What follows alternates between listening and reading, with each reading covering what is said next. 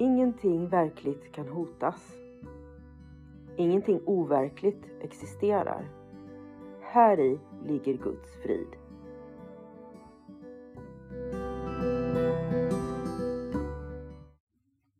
Mitt namn är Magdalena Wiklund och den här podden handlar om hur jag fann frid. Allting har sin grund i Helen Schuckmans uppenbarelser då Jesus dikterade det som sedan skulle bli boken en kurs i mirakler för henne. Jag kommer att referera både till kursen och till Bibeln eftersom Helen fick så mycket förklarat för sig av Jesus om hur vi egentligen bör tolka Bibeln.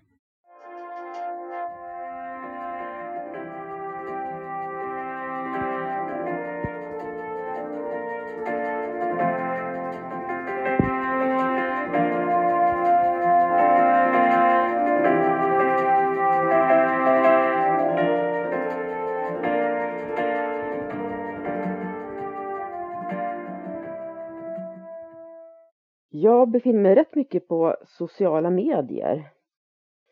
Och eh, bland annat så deltar jag i grupper för oss som gör kursen.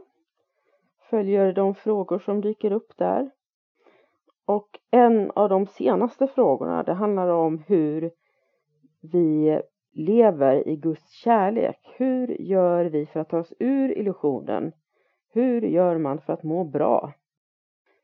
Som jag, som jag redan har varit inne på så är ju den värld vi ser en illusion. Vi drömmer och ofta då en mardröm. Eh, och ibland också goda drömmar.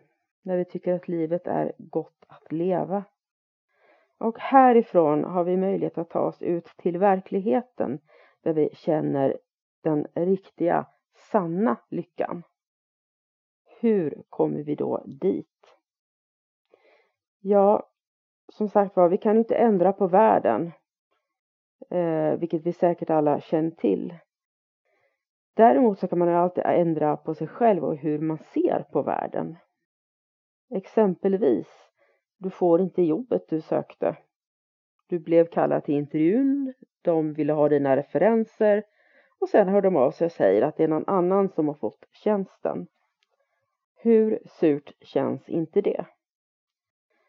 Men man kan också se det som att det kanske inte var meningen att jag skulle ha det här jobbet.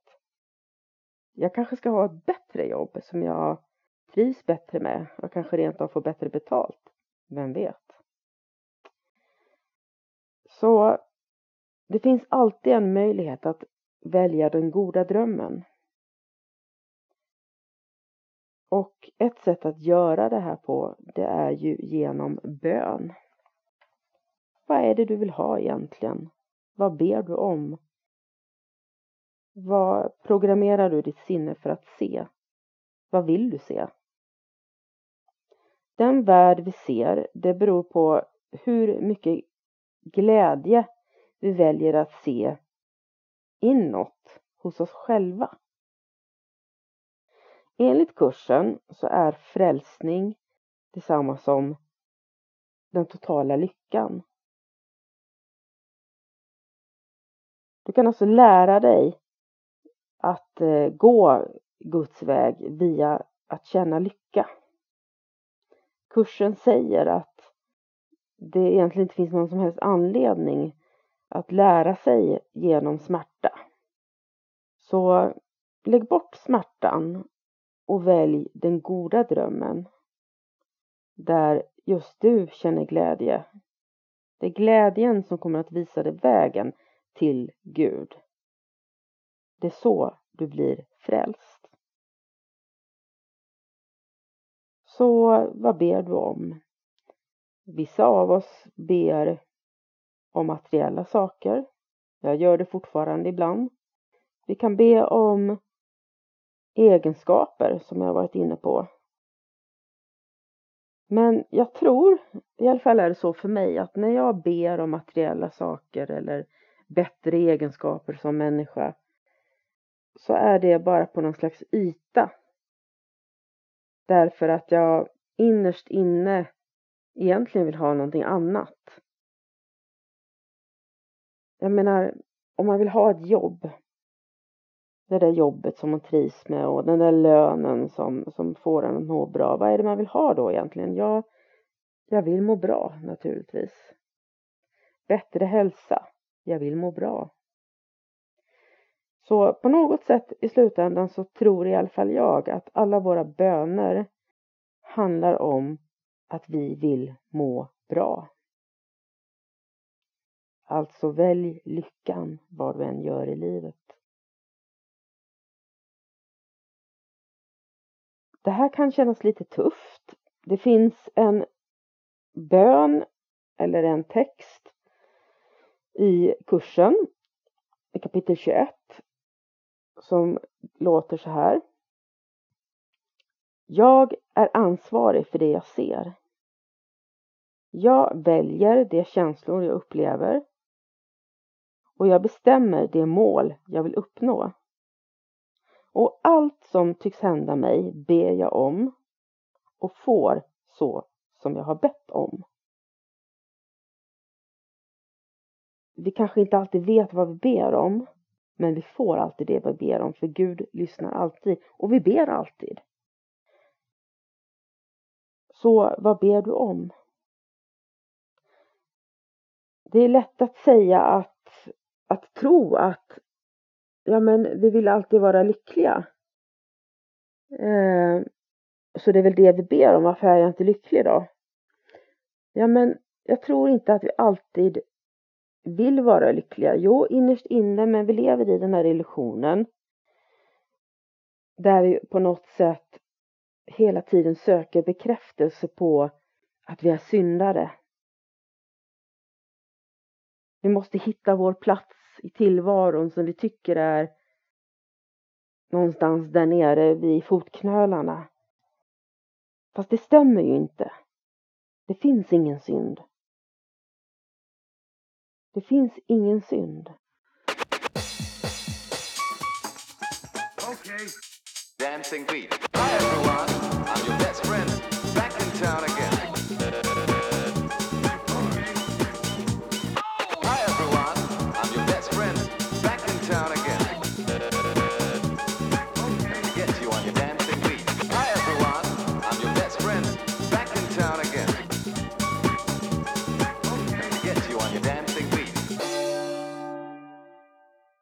Ja, så frågan var alltså, vet du vad du ber om? Ja, vad menar jag med det då? Det är ju lätt att säga att jag vet vad jag ber om. Jag vill ha en bil eller bättre ekonomi eller en egenskap som sagt var. Men om vi då tittar på bönens stege och hur den beskrivs i kursen så delas den upp i fem steg. Där skillnaden mellan de två första stegen egentligen inte är så stor. Det handlar om vad jag redan pratat om. Det handlar om att vi ber om saker. Första steget är att be om någonting som vi tycker att vi behöver.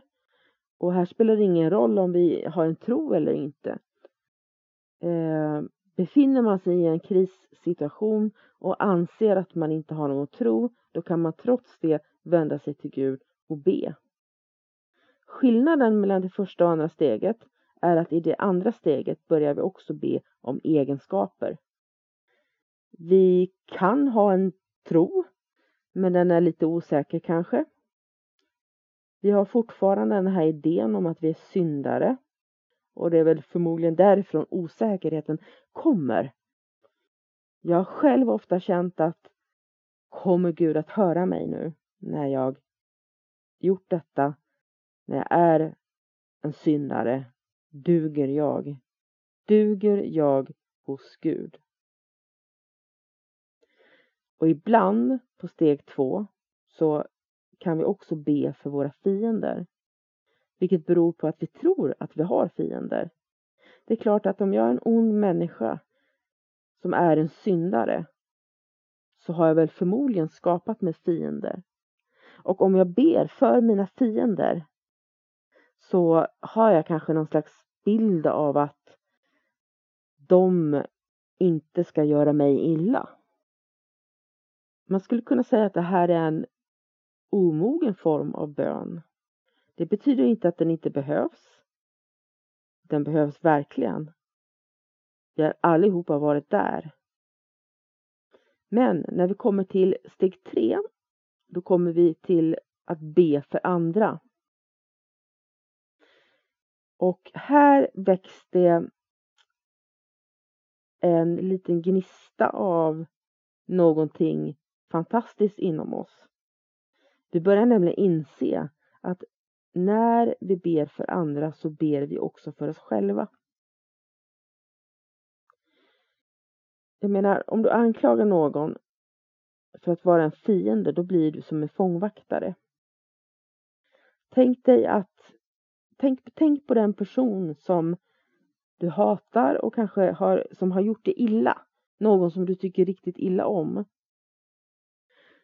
För dig är det viktigt att den personen får stämpeln syndare eller dålig eller elak eller någon annan slags stämpel som du sätter på honom eller henne.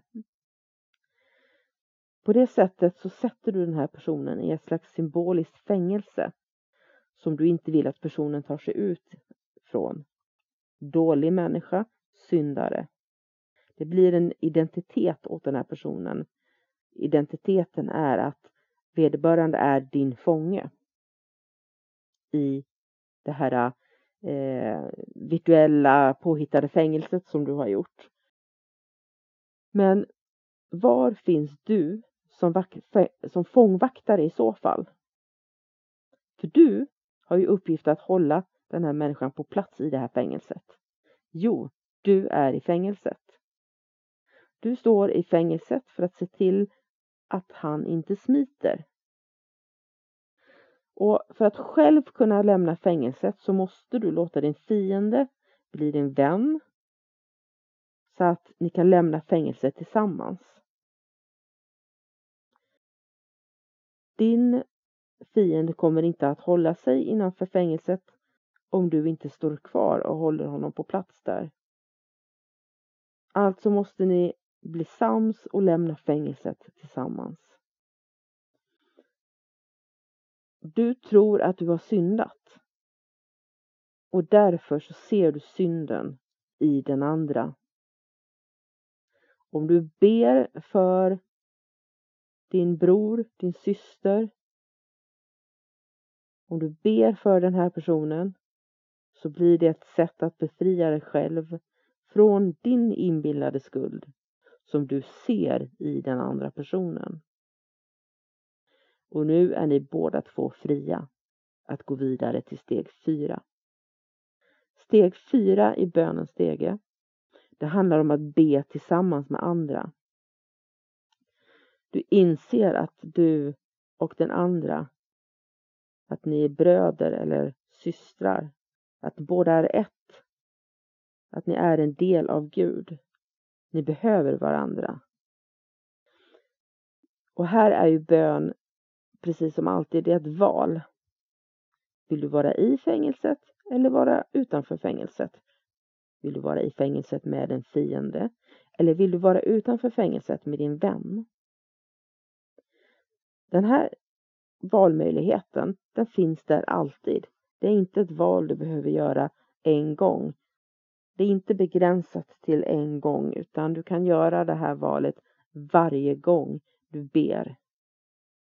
Så all bön blir en ny möjlighet.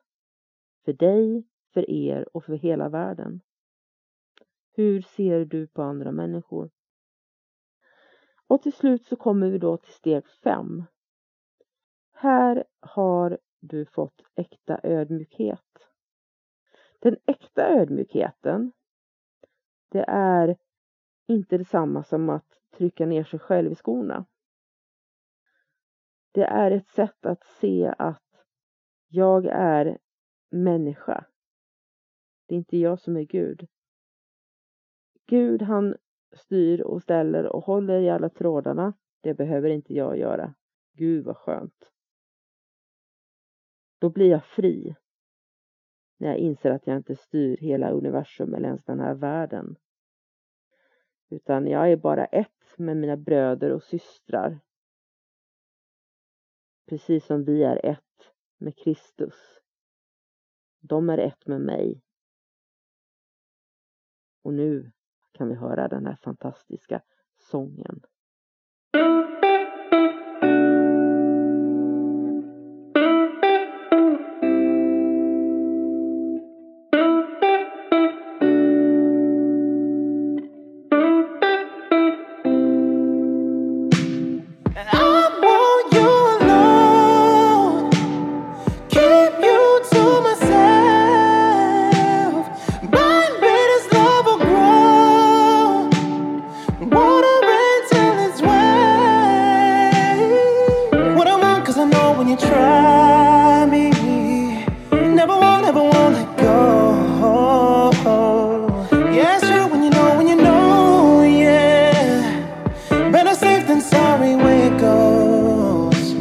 Cause the love never dies. And it hurts every time. You tell me where it burns and I'll turn it colder to the touch. And I burn.